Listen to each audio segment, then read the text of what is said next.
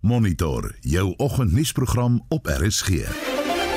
In vanoggend se program die nasionale vergadering beveel aan dat Koleka Kaleka as openbare beskermer aangestel word. Vrystaat Landbou sê veldbrande het tot gevolg dat landbouers op kleiner skaal boer. Die DA sê die lugmag is in 'n nasionale krisis. Dit impliseer dat meer as 50% van die vloot wat nie kan vlieg nie, so is weens 'n gebrek aan onderdele of begrotingsbeperkings om die nodige herstelwerk en instandhouding uit te voer.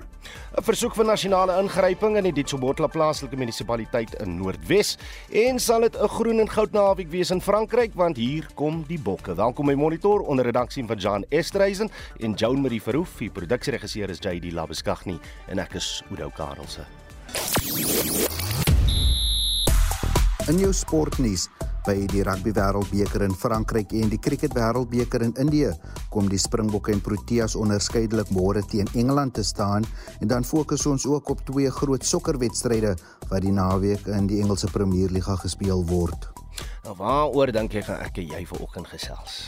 Die Springbokke speel die naweek teen Engeland in die halfeindronde van die Rugby Wêreldbeker. Dis dieselfde teenstanders wat hulle in 2019 uh, in die eindstryd ontmoet het, né? Nee? Die af afrigspan van die Bokke het besluit dat hulle presies dieselfde spelersgroep gaan aanwend vir hierdie naweek se wedstryd as die een wat verlede week uh, in hy uitputtende kwartfinale teen Frankryk geseëvier het. Was dit die regte besluit? Dis vraag nommer 1. En is jou verwagting dat die Bokke gaan wen? Natuurlik is dit nie, maar laat weet hoekom. En en wie dink jy sal volgende week in die eindstryd teen mekaar te staan kom? Ek kyk nou op die SMS lyn en uh, Piet in Wakkerstroom het al vroeg vanoggend 'n boodskap gestuur om te vra, gaan SABC Sport nou vandag se halfeindstryd wedstryd tussen Nieu-Seeland en Argentinië wys? Ongelukkig nie Piet, maar ons is môre heeldag op die televisie saam met die cricket, Suid-Afrika, die Proteas teen Engeland en dan natuurlik later in die aand die Bokke teen uh, ja, ook die Engelse. So, was dit die regte besluit? Om dieselfde spelersgroep aan te wend vir hierdie naweek se wedstryd en wat is jou verwagting van die wedstryd? Wie dink jy gaan uh, teen mekaar te staan kom in die uh, finaal in die uh, eindstryd? Stuur vir ons 'n SMS op die nommer 45889 dit kos jou R1.50 per SMS. Jy kan ook vir ons 'n stemnota op WhatsApp stuur. Die nommer daar is 0765366961. Dis 9 minute oor 6. Die nasionale vergadering het die benoeming van Koleka Kaleka as die volgende openbare beskermer aanvaar. Sy is deur die ad hoc komitee vir die pos aanbeveel.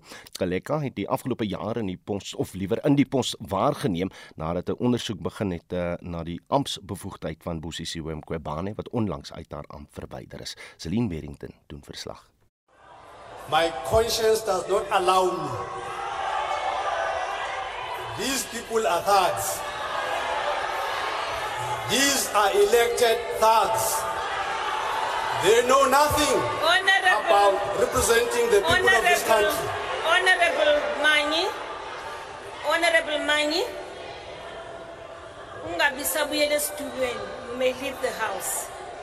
You may leave the house. Thank you. Thank you. I'd rather go than sit with thugs. Die Vryheidsfront Plus Wouter Wessels en Steve Swart van die ACDP was onder die wat nie Kaleka se aanstelling ondersteun het nie. Let's be honest, Honorable Kaba, we did not find a suitable candidate for the appointment of the public protector through this process. But the requirement that the ANC forgets is the requirement that's also in the Constitution for all Chapter 9 institutions, and that is impartiality. There's no doubt, Honourable Speaker, that there is a cloud of problems around this candidate and that the perception out there is not good. And the ACDP has listened carefully to the various reservations about Advocate Galeka's independence, including her finding that the allegations that President Ramaphosa had acted in a manner inconsistent with his office regarding the Pala Pala issue could not be sustained. Now, this finding flies directly in the face of the Section 89 independent panel, which found there was prima facie evidence. The ACDP regrets that it supported the appointment of Advocate Nkobani.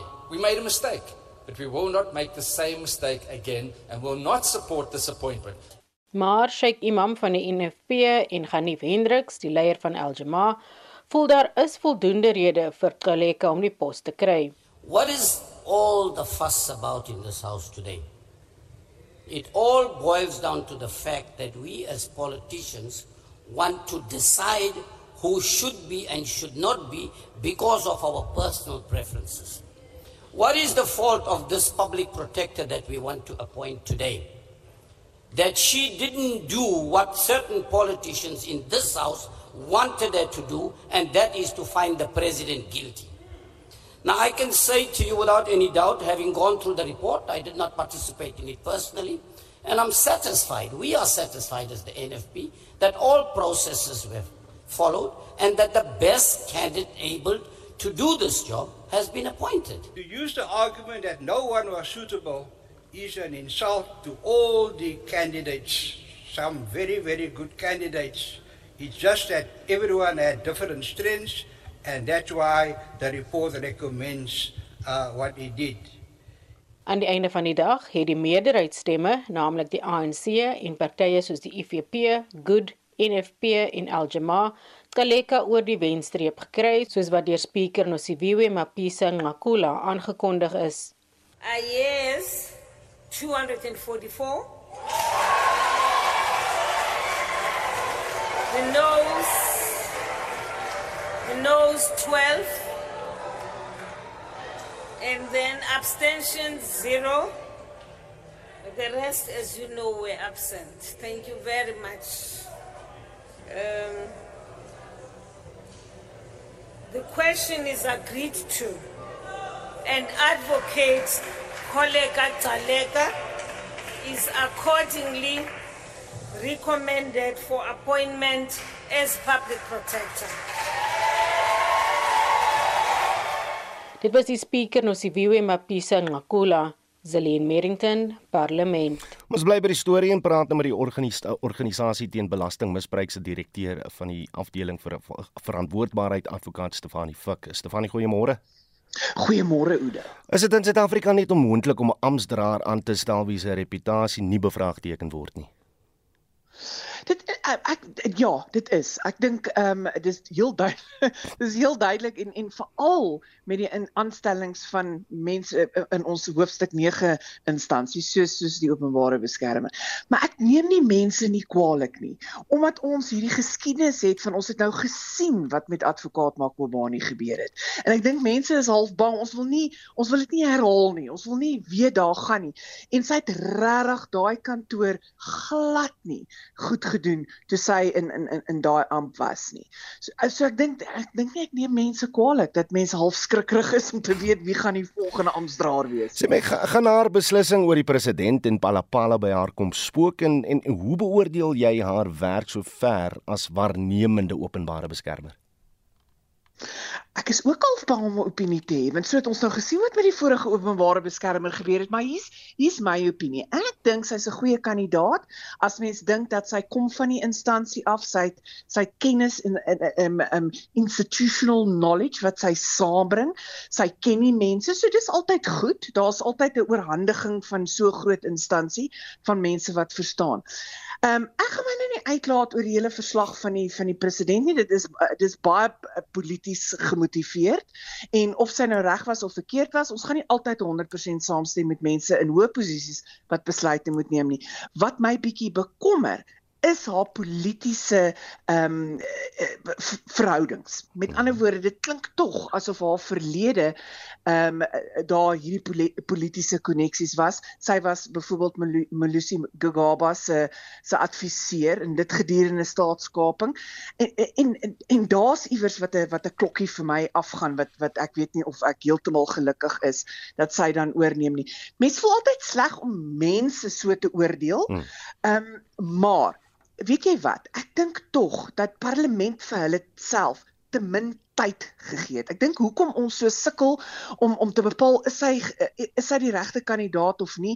Ehm um, was daar iemand anders wat dalk meer geskikte kandidaat is is omdat daar nie genoeg was nie. Hmm. Ek dink die soektog na ons volgende openbare beskermer beskermer moes aangehou het. Ons moet nie net die beste kandidaat gekies het van die mense wat daar was nie. Hmm. Ons moet die beste kandidaat kies. Hoe dit ook al sê, sodra die president nou uh, haar aanstelling onderteken, gaan sy 7 jaar hê om om haar stempel af te druk. Wat dink jy moet haar grootste prioriteit wees?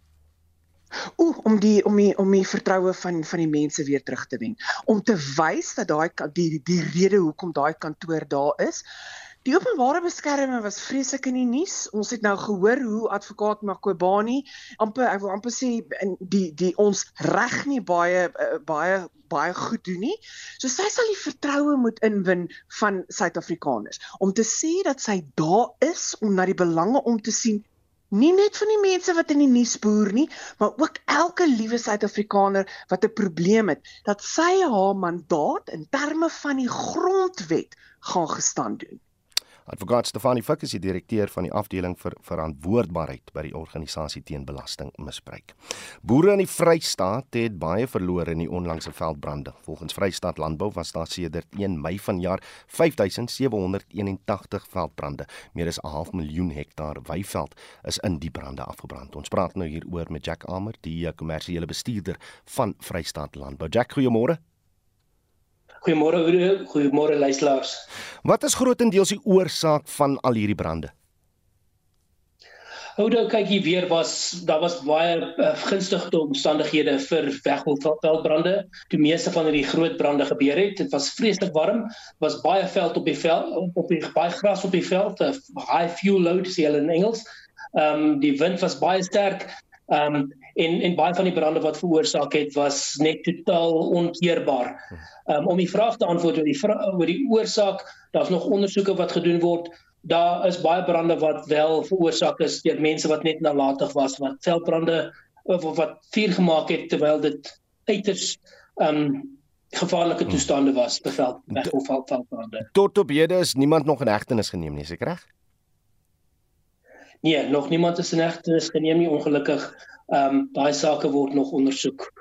Nou Jack, hoe lank neem dit dan vir velde om om te herstel en weer in produksie te kan kom?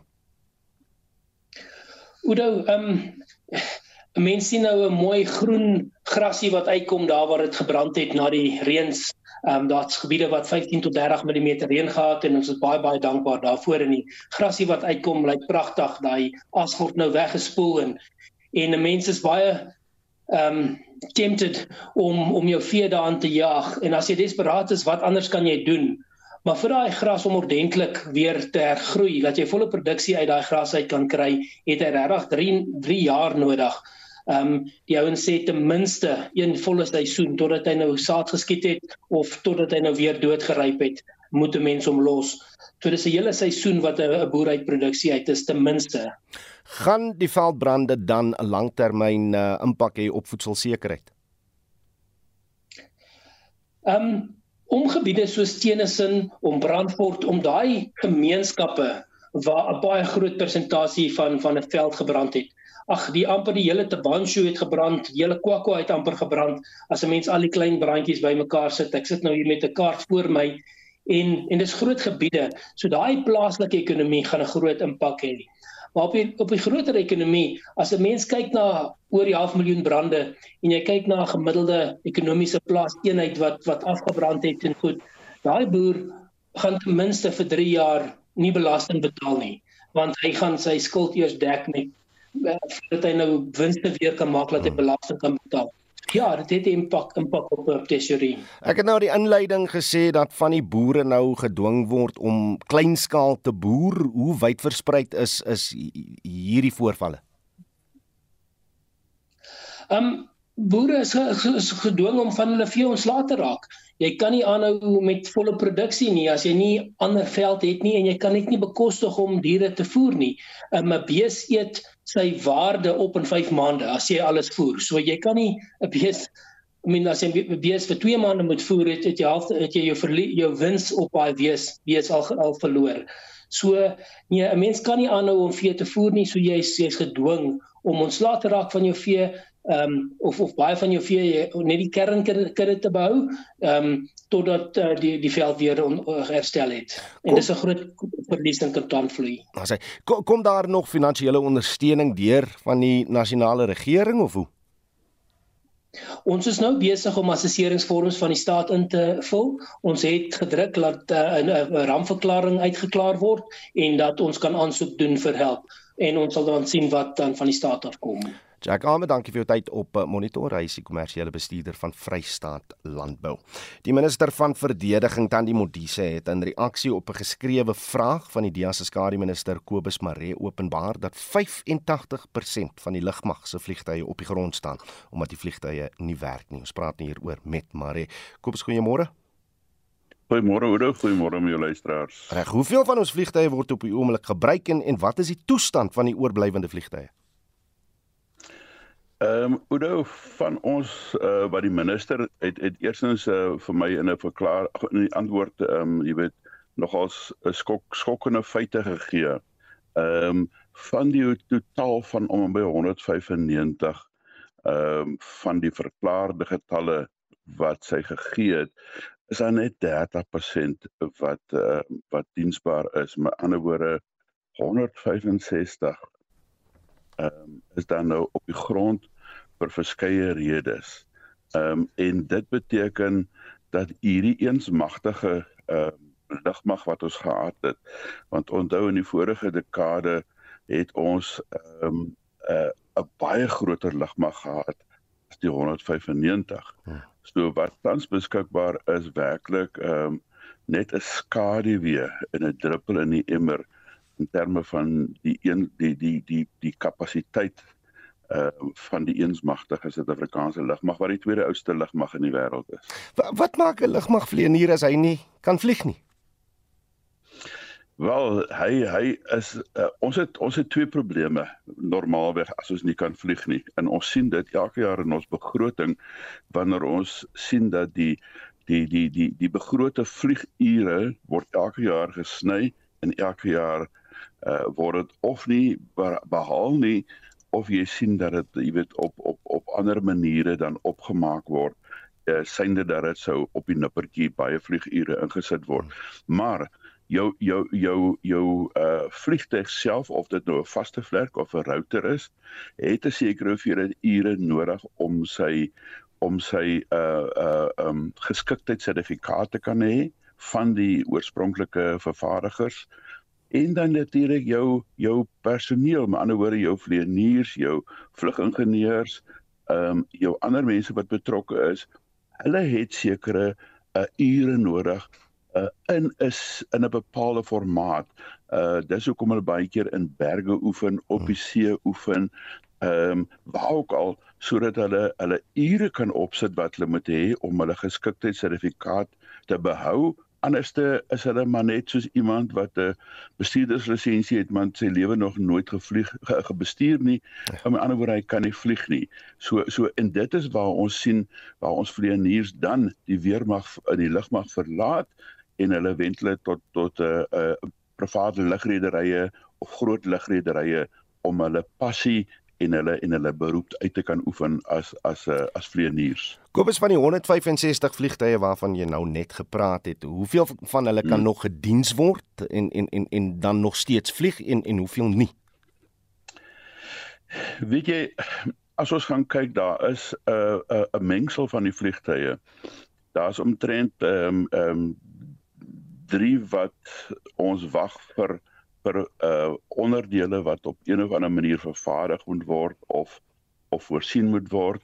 Daar is omtrent 20 wat sit om om herbou te moet word wat baie van hulle is is uh is is in 'n onherstelbare situasie. Hulle mag dalk in 'n ongeluk gewees het of hulle moet redelik opgegradeer word. Soos byvoorbeeld ons sien 31 wat 65 jaar oud is ehm um, en het nie meer die nuwe tegnologie nie so uit 'n uit 'n enorme opbou nodig. En dan sit ons met hom by ehm um, 63 uh, da, ek dink net sê daar's een wat stok oud is en in wat eintlik te oud is soos die ou Dakota. Ehm um, en dan sit ons met hom by 63 ehm um, wat op die grond is eenvoudig net oor oor die diensbaar is nie. Nou nou in in daai gevalle jy weet het jy dan 'n situasie waar waar vliegtye vir die een of ander rede ehm um, daar's of nie dienskontrakte nie ehm um, of daar's nie onderdele nie of daar's nie toestemming van die oorspronklike vervaardiger uh toerustingvervaardiger om sekere dinge te kan doen nie. Ehm um, ehm um, so so ja, so dit is 'n dis 'n uiterse uiterse ehm um, amper sê onbenadingswaardige posisie waarin ons is en ons sit natuurlik nou in die in die gevaar dat ons as ons nie iets daadwerkliks doen nie dat ons lugmag in gereduseer kan word na 'n lugvleuel toe in die lugmag nie. Kom ek vra jou dan, uh, het die lugmag 'n plan en nou dat julle hierdie inligting tot julle beskikking het, wat is julle plan? Wat gaan julle doen? Weet jy, ek dink dit is baie belangrik as 'n mens gaan kyk net na ons priori wat ons prioriteite behoort te wees in in uh, in die Suid-Afrika van waar ons nou is en en waarna toe ons moet gaan. Ons uh um is baie sterk aangewese op router, maar nou oor helikopters. Nou as jy gaan kyk tans na van ons 11 uh, aanvalse rooi valk helikopter wat ons nodig het om om, om enige sortie te te te te by te staan wat uitvlieg om uh, soldate uit te vat of om te gaan optel het ons net 3 in 'n beperkte 3 van ons 11 in 'n in 'n met met ernstige beperkings het ons 3 beskikbaar. Van ons Oryx helikopters, van die 39 wat ons het, wat ons werksesel is, het ons net 5 beskikbaar en van hulle sit nog in die Kongo, uh 2 en een in Mosambiek. Maar anderswoorde, as eintlik niks in Suid-Afrika nie.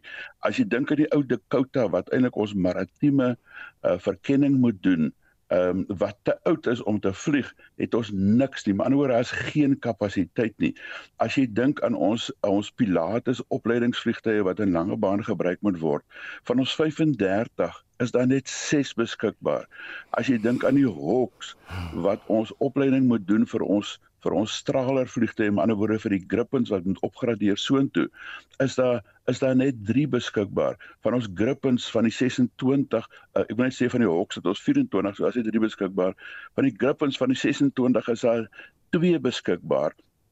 So kan 'n mens aangaan en aangaan en aangaan en dan sien jy van ons ons weet ons sê 31 van die 6 is dan net een beskikbaar. So ons sit in 'n onbereidenswaardige posisie waar daar sekere strategiese ehm um, vaste vlerk in router uh vliegtye is waar ons eenvoudig sou moet gaan en ons prioriteit daarop spandeer. Ek het toevallig gister 'n gesprek gehad met die minister van finansies. Toe sê ek vir minister as ons nie gefokusde en soos die Engelse praat van ring fence geld in begrotings as ons nie gaan en en ge, gefokusde begroting kan toeken hmm. slegs vir daai doel nie dan gaan ons regtig gereduseer word tot tot eintlik 0. Jy weet tans in die Oos-Kaap het ons geen routers beskikbaar nie. Hoe kan jy 'n weermag hê in die Kaap in mees in in sommige gevalle het ons een Oryx beskikbaar. So ons sit in 'n onbereidenswaardige posisie waar ons sal moet gaan herprioritiseer.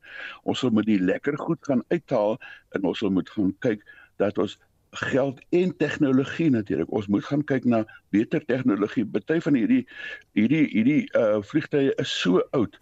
Uh, Goed, die ja. Oryx moet opgegradeer word, die Rooivalk moet opgegradeer word. Die C30 moet opgegradeer word. Kobus Maree, die DEA se skare minister van verdediging.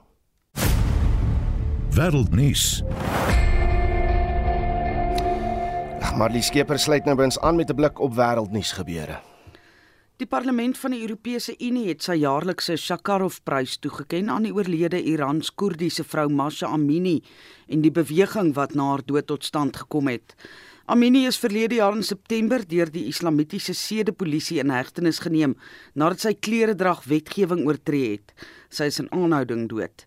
Die BBC se Sofia Betitsa The death of 22 year old Masha Amini last year sparked protests that have presented the most serious challenge to the Iranian authorities in decades.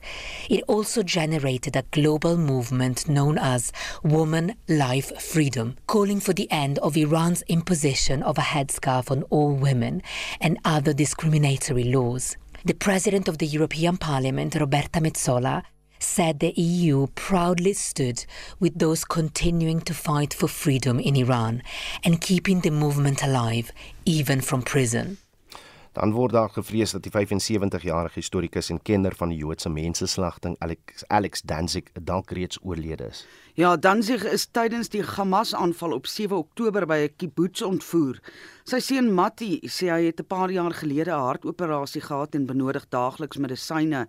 Sy familie het nog geen foto's of video's van hom gesien wat Hamas van hul gijslaers op sosiale media platforms plaas nie. Danzig is na die Joodse slagting gebore, maar sy suster en ouers het oorleef. Hy het vir die afgelope 30 jaar by die Yad Vashem gedenksentrum in Jerusalem gewerk. En intussen Ouda het die FSA se departement van buitelandse sake sy burgers gewaarsku teen moontlike terreuraanvalle. Die SAIK se Shaun Bryce Peace doen verslag. It urges Americans to stay alert in locations frequented by tourists, to enroll in the Smart Traveler Enrollment Program in order to receive alerts and make it easier to be located during an emergency, and to follow the State Department on social media platforms. Protests have broken out against Israel and the United States, particularly in countries across the Middle East, where Washington's support of Israel has been denounced. Dit was die SAK se show in Bryce Peace. En dit was ons Marlie Skeepers met 'n oorsig oor wêreldnuus gebeure. Jy luister na Monitor. Elke weekoggend tussen 6 en 7. Byna 6:33 en hier is wat voorlê. In uh, is nasionale ingryping die oplossing vir die krisis in die Ditsobotla plaaslike munisipaliteit. Ons stel die vraag aan 'n politieke ontleder en die hoë koers van leerders wat die skool voortydig verlaat is in die kollig. Bly ingeskakel hier op RSG. Reg, die Bokke speel hierdie naweek mos natuurlik môre teen Engeland in die halfeindronde van die Rugby Wêreldbeker. Is vanaand die kans van die Seeland teen Argentinië en ons vra vanoggend, was dit die regte besluit om die spelersgroep presies dieselfde te hou soos verlede week uh toe ons teen Frankryk gespeel het en wat is jou verwagting van wie gaan wen? Wie dink jy gaan die eindstryd haal? Op die SMS lyn sê Miranda van Oudtshoorn. Ek dink dit was 'n baie goeie besluit om span net so te hou en volgende naweek speel Bokke en die All Blacks vir die beker. Dis nou Miranda van Oudtshoorn se mening hieroor. Dan vra iemand enige rede hoekom die SAIK nie vanaand se game op die televisie wys nie, want die ooreenkoms wat hulle bereik het met SuperSport vir die uh, aankoop van die regte het net na die die uh, groepfase die uh, twee van die vier kwart eindronde wedstryde ingesluit en een van die halfeindstryd uh, wedstryde ingesluit en ek is seker julle sal uh, liewer kies dat ons die bokke môre aankyk pleks van uh, Nieu-Seeland teen Argentinië vanaand maar dis maar net hoe die uh, ooreenkoms bereik is en glo my die regte is uiters duur. Ehm um, dan sê Jonathan April van Goude, ek dink die bokspan vir môre stabiel, maar uh, nou soos Moody op maar 'n uh, ou soos Moody gee my gemoedsrus ons gaan wen. En dan sê Joy Kriel van Witpoortjie, ons vertrou ons rugby afrigtingspan, hulle is daar, ons is nie. Hulle het die rugby breins, ons nie. Gou bokke. En uh, die verwagting van Joy is dat ons teen Argentinië gaan speel in die uh, finaal. Wat dink jy? Stuur vir ons 'n SMS 45889 is die SMS lyn.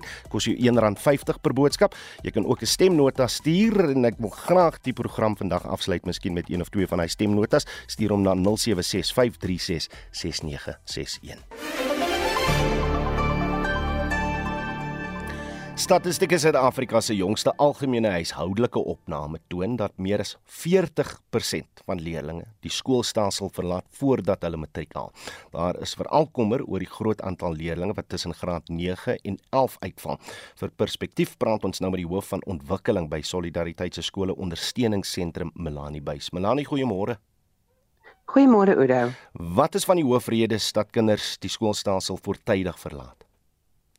Ja, Oudo, weet jy, ons het al daai bekommernis 'n uh, tyd gelede ook gereeld spreek ons uit as ons na ons matriekverslag kyk wat ons elke jaar uitbring oor die matriekuitslae. Want wat ons sien, ehm um, ek, ek het nou statistiek, statistiek SA so goed ook gesien oor die redes, maar wat ons ook sien, kinders wat in matriek nog inskryf vir die eindeksamen, wat uitval tussen dan en nie eers gaan skryf nie. Ons het verlede jaar gesien daar was 86000 matrieks wat ingeskryf het, maar wat op die oomblik nie die eksamen afgelê het nie. So dis regtig kinders wat amper by die eindpunt is wat ook uitval. So en dan praat ons nie eers van graad 9 is daar 'n hele klomp kinders wat ehm um, wat, wat wegraak in die stelsel. Ehm um, so ons kyk elke jaar na die deurvloei syfers en dit is vir ons 'n 'n groot bekommernis. Nou as ons kyk na o, oh, jy wil vra oor die Ek ek wou nou net gevra het gevra het en en dis kinders wat wat ja. nou nie na die tyd hulle matriek sertifikaat gaan werf nie nie. Weet jy baie kinders skryf in daarvoor, maar ons sien die meerderheid as jy nie daai eerste ronde ehm um, suksesvol gemaak het nie, is dit baie moeiliker om met 'n tweede ronde deur te kom. So daar is kinders wat dit doen, daar is instansies wat wat, wat die geleentheid skep of hulle gaan terug skool toe self. So maar die kanse dat hulle met 'n tweede ronde gaan slaag is nog minder as met die eerste ronde. So dit vir ons is dit belangrik dat daai deurvloei syfer hmm. verbeter. Vir kinders wat in in graad 1 begin vasbyt en op die ou en dan matriek kan afhandel. Hoe vaar Afrikaanse skole spesifiek? Ja, dit sien ons ook in ons matriekverslag en ehm um, die, die Afrikaanse skole veral as jy kyk daai matrieksyfer weet die wat wat inskryf en op die ount nie gaan skryf nie, is omtrent 15% nasionaal. In Afrikaanse skole is dit omtrent 1%, so dit is baie minder. So as hulle net tot tot by matriek kom, bly hulle en skryf klaar. Dan is die slaagsyfer natuurlik die vraag daarna, maar ek dink nie dit is nou waar ons praat nie. So 'n uh, um, moedertaalonderrig dink dis een van die van die groot ehm um, kwessies, die groot voordele wat 'n ou het en saam met dit moet mense praat oor die gehalte van onderwys wat kinders ontvang. Ehm um, dit gaan nie net oor die taal nie, maar dit is 'n groot deel daai kultuur van uitnemendheid, ondersteuning binne 'n skool en net eenvoudig dat 'n kind gehalte onderrig ontvang. Hmm. Ehm um, ons ons sien eintlik met die internasionale die die lees ehm um, vermoë van kinders is ook in verlede jaar weer bekend gemaak internasionaal. Nou Suid-Afrika het heel onder gelê met meer as as 80% van kinders wat in graad 4 nie met begrip kan lees nie. Nou as jy nie kan lees nie, kan jy nie leer nie. So dit is iets wat die onderwysstelsel moet regmaak om seker te maak 'n kind het ten minste die die vaardighede wat hy nodig het om te kan slaag. Die departement is ook in die proses om 'n algemene onderwyssertifikaat vir graad 9 leerders teen 2025 in te stel. Hmm. Wat is die denkwyse hier en, en wat dink jy daarvan? Weet jy ons is baie ten gunste daarvan, maar nou is baie kinders wat wat uitval vroeër of besluit om iets anders te gaan doen en veral in in ehm um, wel daar is kinders wat regtig net nie vermoë het om 'n akademiese matriek te maak nie. Maar as jy dan in graad 9 ten minste met 'n kwalifikasie uitstap en nie net dan weet op hierdie stadium is dit so as jy graad 9 uitval kon jy net sowel eintlik maar graad 3 hm, gegaan het. Hmm. Dit ma dit maak nie regtig 'n verskil nie. So ons is ten gunste daarvan. Die beplanning bly maar net eintlik by beplanning. So dis weer eens die departement wat planne gehad het wat nou eintlik net al verder in die toekoms uitgestel word en ons dink dit is tot nadeel van die kinders. So ons dink dit is definitief 'n baie goeie ding. Dit dan Melanie Beysie hoof van ontwikkeling by Solidariteit se skole ondersteuningsprogram of sentrum liewer. Die munisipale werkers vakbond SAMU en die DA Noordwes wil hê die Ditsobotla plaaslike munisipaliteit moet onder nasionale administrasie geplaas word, uh, geplaas word. Die DA het 'n formele versoek aan die ministers van samewerkende regering en finansies gerig om in te gryp in gevolge artikel 139 hoofstuk 7 van die grondwet en artikel 150 van die, die wet op munisipale finansiële bestuur. Vir sy mening praat ons nou met professor Andre Dievenage, 'n politieke ontleder aan die Noordwes Universiteit se besigheidskool. Andre, goeiemôre. Môre Udo. Reg, dit sou hulle munisipaliteite tans onder provinsiale administrasie ingevolge artikel 139 hoofstuk 5. Hoe verskil dit dan van artikel 139 hoofstuk 7? Udo, ek wil net vinnig 'n klein stukkie agtergrond gee oor wat hier gebeur. Nou as ons praat van Ditsa Botla, dan praat ons van Lichtenburg, Kolini en Bissies Vlei. En dit is 'n voorbeeld van ekstreme verval en agteruitgang waar dienslewering letterlik in duie gestort het. En dit is 'n patroon wat ons hier sien in Noordwes en ek kan sê van die 4 distriks munisipaliteite en die 18 plaaslike regerings het nie 'n enkele een 'n skoon audit ontvang met die laaste audits nie. So die probleem is ernstig in Ditsabotla is dit so ernstig dat hulle fisies nie meer die mense kan betaal nie en intervensies in die provinsie het gewys dit werk ook nie. En hier kan ek jou 'n syfer gee.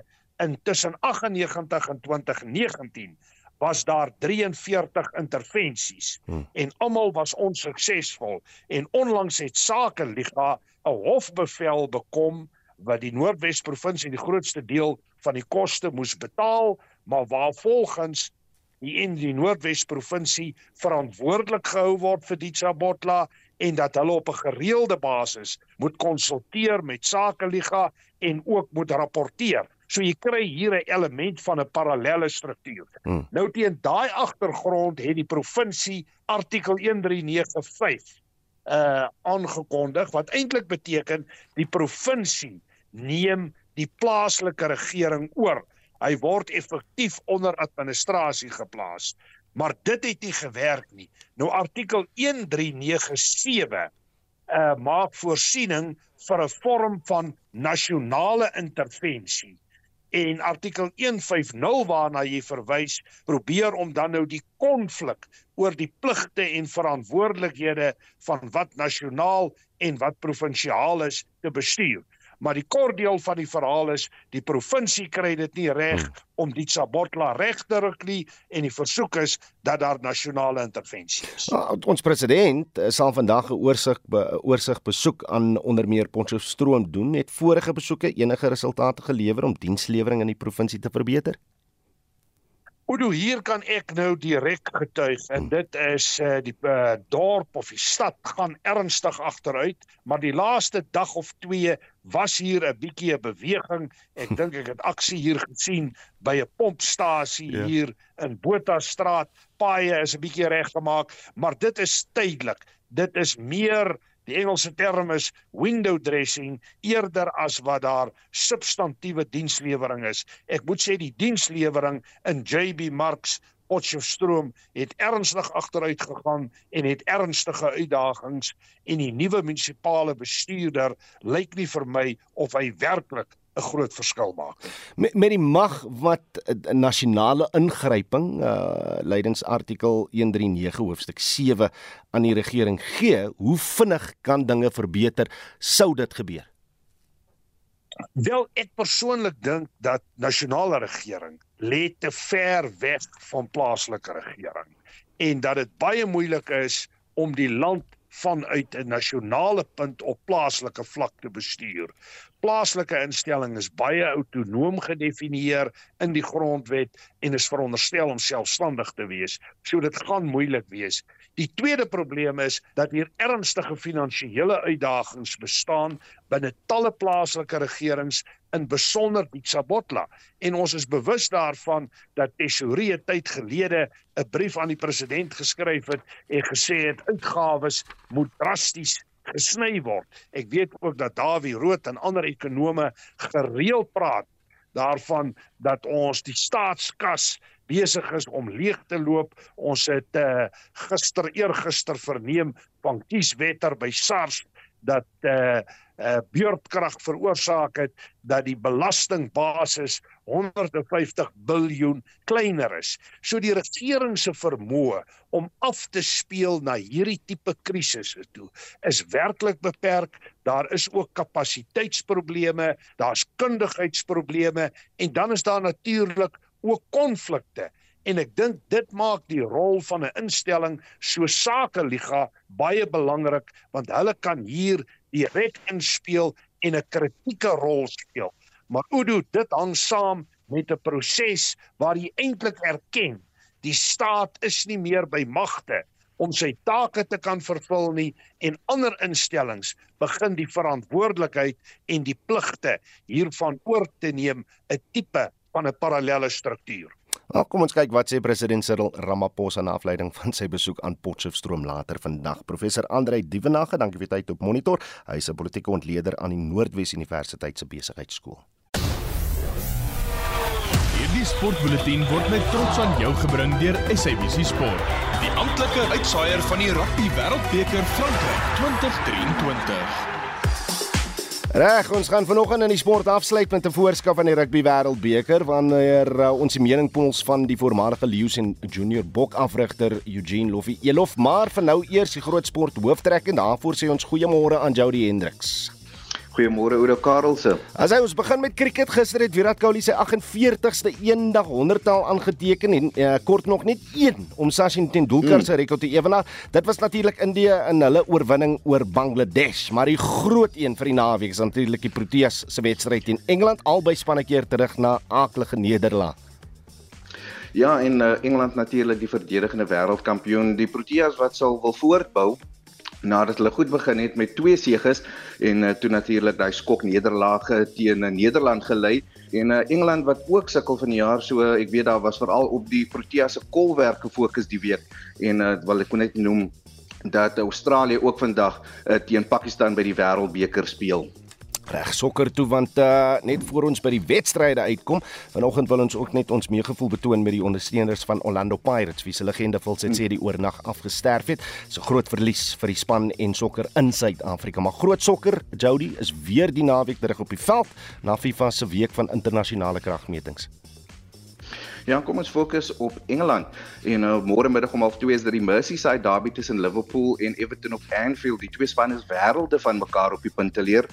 Liverpool 4de en Everton 6de. En dan môre aan om 7 die London Derby, dis tussen Arsenal en Chelsea op Stamford Bridge en Arsenal wat die derde plek op die punteleer beklee word as die gunsteling in die wedstryd beskou. In motorsport, die Amerikaanse Grand Prix wat die naweek gejaag word. Ja, die tweede keer van die jaar wat hulle in Amerika gaan wees, dit vind in Austin, Texas plaas. Hulle was vroeër van die jaar in Miami en ook in November van die jaar gaan hulle in Las Vegas vir die Formule 1 wees. En die groot vraag natuurlik is kan iemand van jaar vir Red Bull of Max Verstappen klop? En dis die groot vraag in die Formule 1 wêreld op almal se lippe. Ja, ons weet mos wat die antwoord daar is.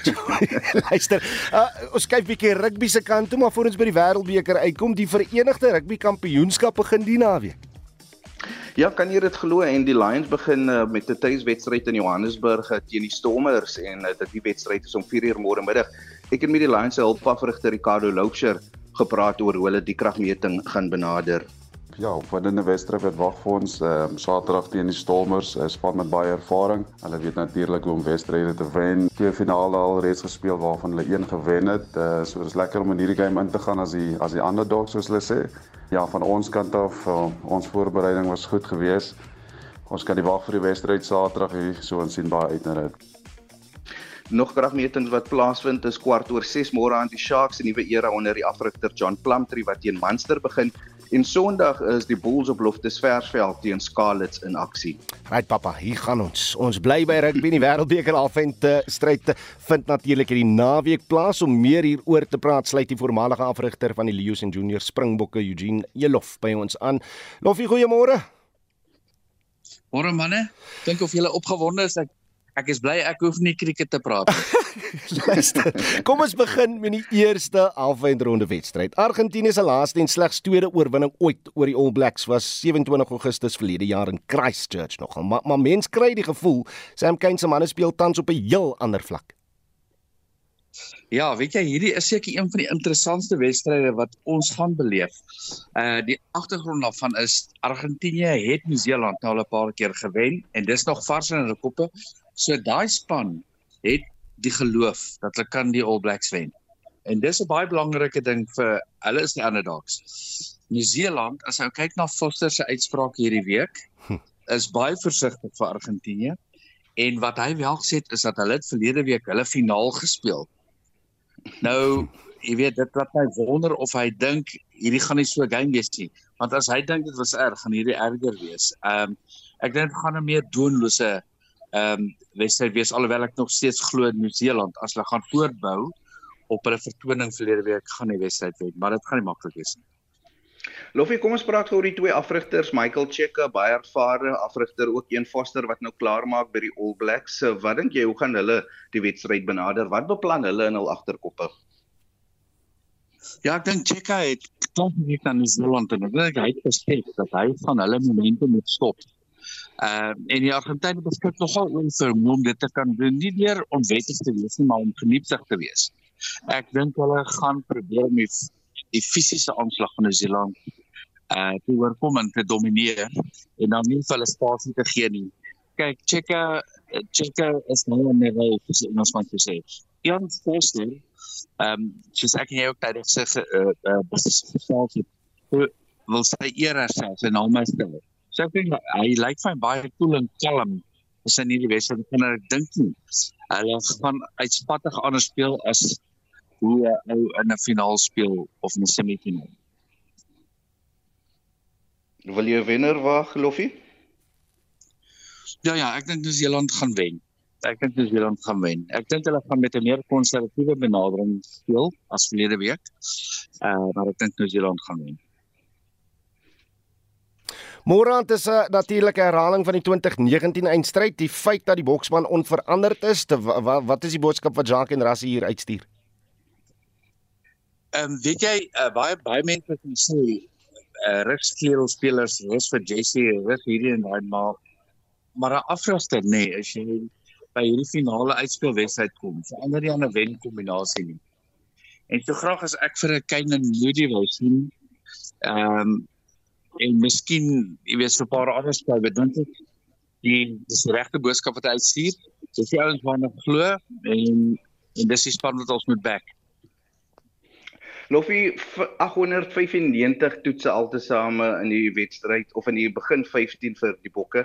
Die mees ervare Springbok span nog ooit. Wat is die boodskap wat Jacques en Rassie aan Engeland wil stuur om so 'n ervare span te kies? Baie van die ouens ook in 2019 vir Engeland in die finaal geklop. Ja, Jody is 'n baie goeie vraag. Dit is net 'n tof ding, né? En moenie fout maak die Engelse wêreld.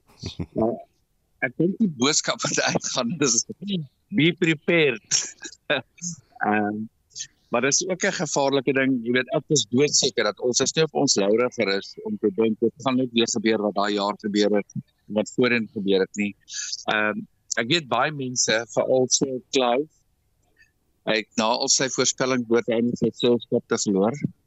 Ehm um, ek weet hy glo hulle gaan ons maklik wen, maar dit ek dink nie hulle wil pak beskik oor die film om ons ons te tem nie. Ehm um, maar, maar as ons hulle onderskat, dan op 'n lang dag weet. Engeland is weer terug waar hulle altyd was. Net spectacular nie, maar hulle is so so stadig gesig. Dat kom en nou in die stad. Ek hoop ons kan hulle vinnig uit daai ritme uitkry. Ek wou nou net gevra het, hierdie Engeland span onder Bothwick, hulle moes herbou danksy Eddie Jones. Hulle speel die tipe eh, skop spel wat die bokke aangewend het so wat 8 jaar terug. Hulle wil hê jy moet foute maak en dan skop verrel jou huis toe. Kan hulle Eugene bekostig om net dit te doen teen die bokke want dit gaan nou ons derde wedstryd wees waar Benno Kiefie skeieregter is en ons manne verstaan seker nou seker baie mooi hoe hoe hy blaas. Ja, ek dink ek dink hy's 'n slegte skeieregter. Inteendeel, ek dink hy's een van die beter skeieregters by die kompetisie. Maar hy kan nie te veel fokus op 'n skeieregter en hy gaan nou hy gaan nou baie op sy senuwees wees omdat die Frans hom heidaglik uh redelik aanvat in die media. Ehm um, Engeland is vir my die verskillende span wat daar is en ek ek dink wat Botstek reg gekry het is om hulle weer conference geer te wen. Ehm um, ek weet hulle het hulle onmin in die kamp gehad oor 'n Ferland en 'n Ford maar jy weet uh ek ek dink ek dink nie daai hele span gaan net om 'n paar individue en ek dink as 'n span speel hulle goed en die ou wat ek dink ons moet tem en ek wens intedeel ewen kan hom uitsou is Curry. Ek dink hy hy's hulle instigator daar hy's die tough ou. Ek dink dis die ou wat ons moet miskien uh, lesie of twee leer en hy losgemaal. Uh, maar ehm um, altyd die wedstryde, daai wedstryd veral ook gaan nie gaan nie entertaining wees nie. Dit gaan wen rugby wees. Ek glo ons gaan baie meer konservatief paal te skop en punte vat en ons innings bou dieselfde met van hulle kant af. Hulle hulle skop beslis meer. Hulle intedeel, ek dink die Franse tot nou toe die meeste geskop. Dan laastens net geloffie, ons moet ook noem dat Engeland nog die enigste onoorwonde span by die rugby wêreldbeker is, maar ek dink die twee reservebanke gaan ook 'n groot rol speel môre aand. Ja, Jody, ek dink uh, jy weet dis dis ook in die media maar ek dink ons weet almal ook dit hulle die maklikste pad gaan. Ja, ek sê wag eintlik. Ek sou bekommerd gewees het as hulle nie onoorwonde was nie. Maar ek dink daai rekord verander môre aan. Gelukkig is dit nie 'n lang pad daar oor die kanaal nie. Uh, uh, Loffie, laaste vraag. Ons het gesien hoe hoe daar skrale oorwinnings was tussen die groot spanne in die kwart uitronde. Wat is jou verwagting van van hoe ver uitmekaar die twee spanne gaan wees hierdie naweek na 80 minute? Ek dink ek dink dit gaan baie naby wees. Dit gaan baie naby wees. Alhoewel jy weet die die die ouens wat boekies is of het en so 'n reken 10 8 na 10 punte toe ek dink genader is dit. Dit is 'n finaal. Dit is soos 'n finaal. Ehm um, ek dink dit gaan altyd wedstryde gaan baie naby wees. En wie gaan wen? Uh ek sê ek sê Nieu-Seeland gaan ehm uh, gaan Engeland wen met 5+ plus, en ek dink ons gaan Engeland wen met 8+. Plus. As hy en volgende week gaan iemand vir die 4de keer 'n wêreldbeker wen. Eugene Elof, baie dankie vir jou tyd op Monitor. Jody Hendriks van RC Sport lekker na uh vir julle voorskou gegee van wat hierdie naweek voorlê ten opsigte van die rugby wêreldbeker. Nou die vraag wat ons natuurlik vanoggend gevra het, is uh, net hoe jy voel oor die spankies, die feit dat dit presies dieselfde spelersgroep gaan wees wat uh, verlede week teen Frankryk gespeel het en ook wat jou verwagting is van wie in die finaal gaan wees. Dit is wat julle sê. Dit gaan 'n uh, baie baie lekker instryd wees.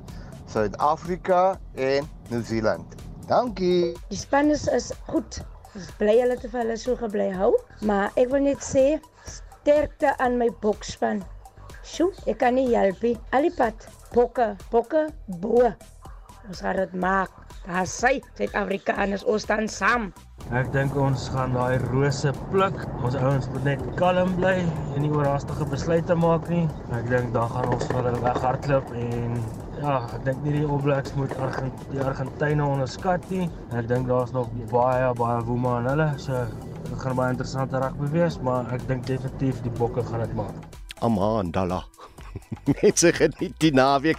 Kan nie wag om maandag weer te gesels nie. Ons uh, groet namens ons uitvoerende regisseur Nicoline de Weer, die program vanoggend uh, onder redaksie van Jean Esterhuizen en Joan Marie Verhoef.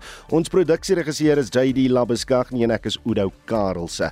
Sterkte, 'n groot naweek wat voorlê. Op en wakker is volgende. Totsiens.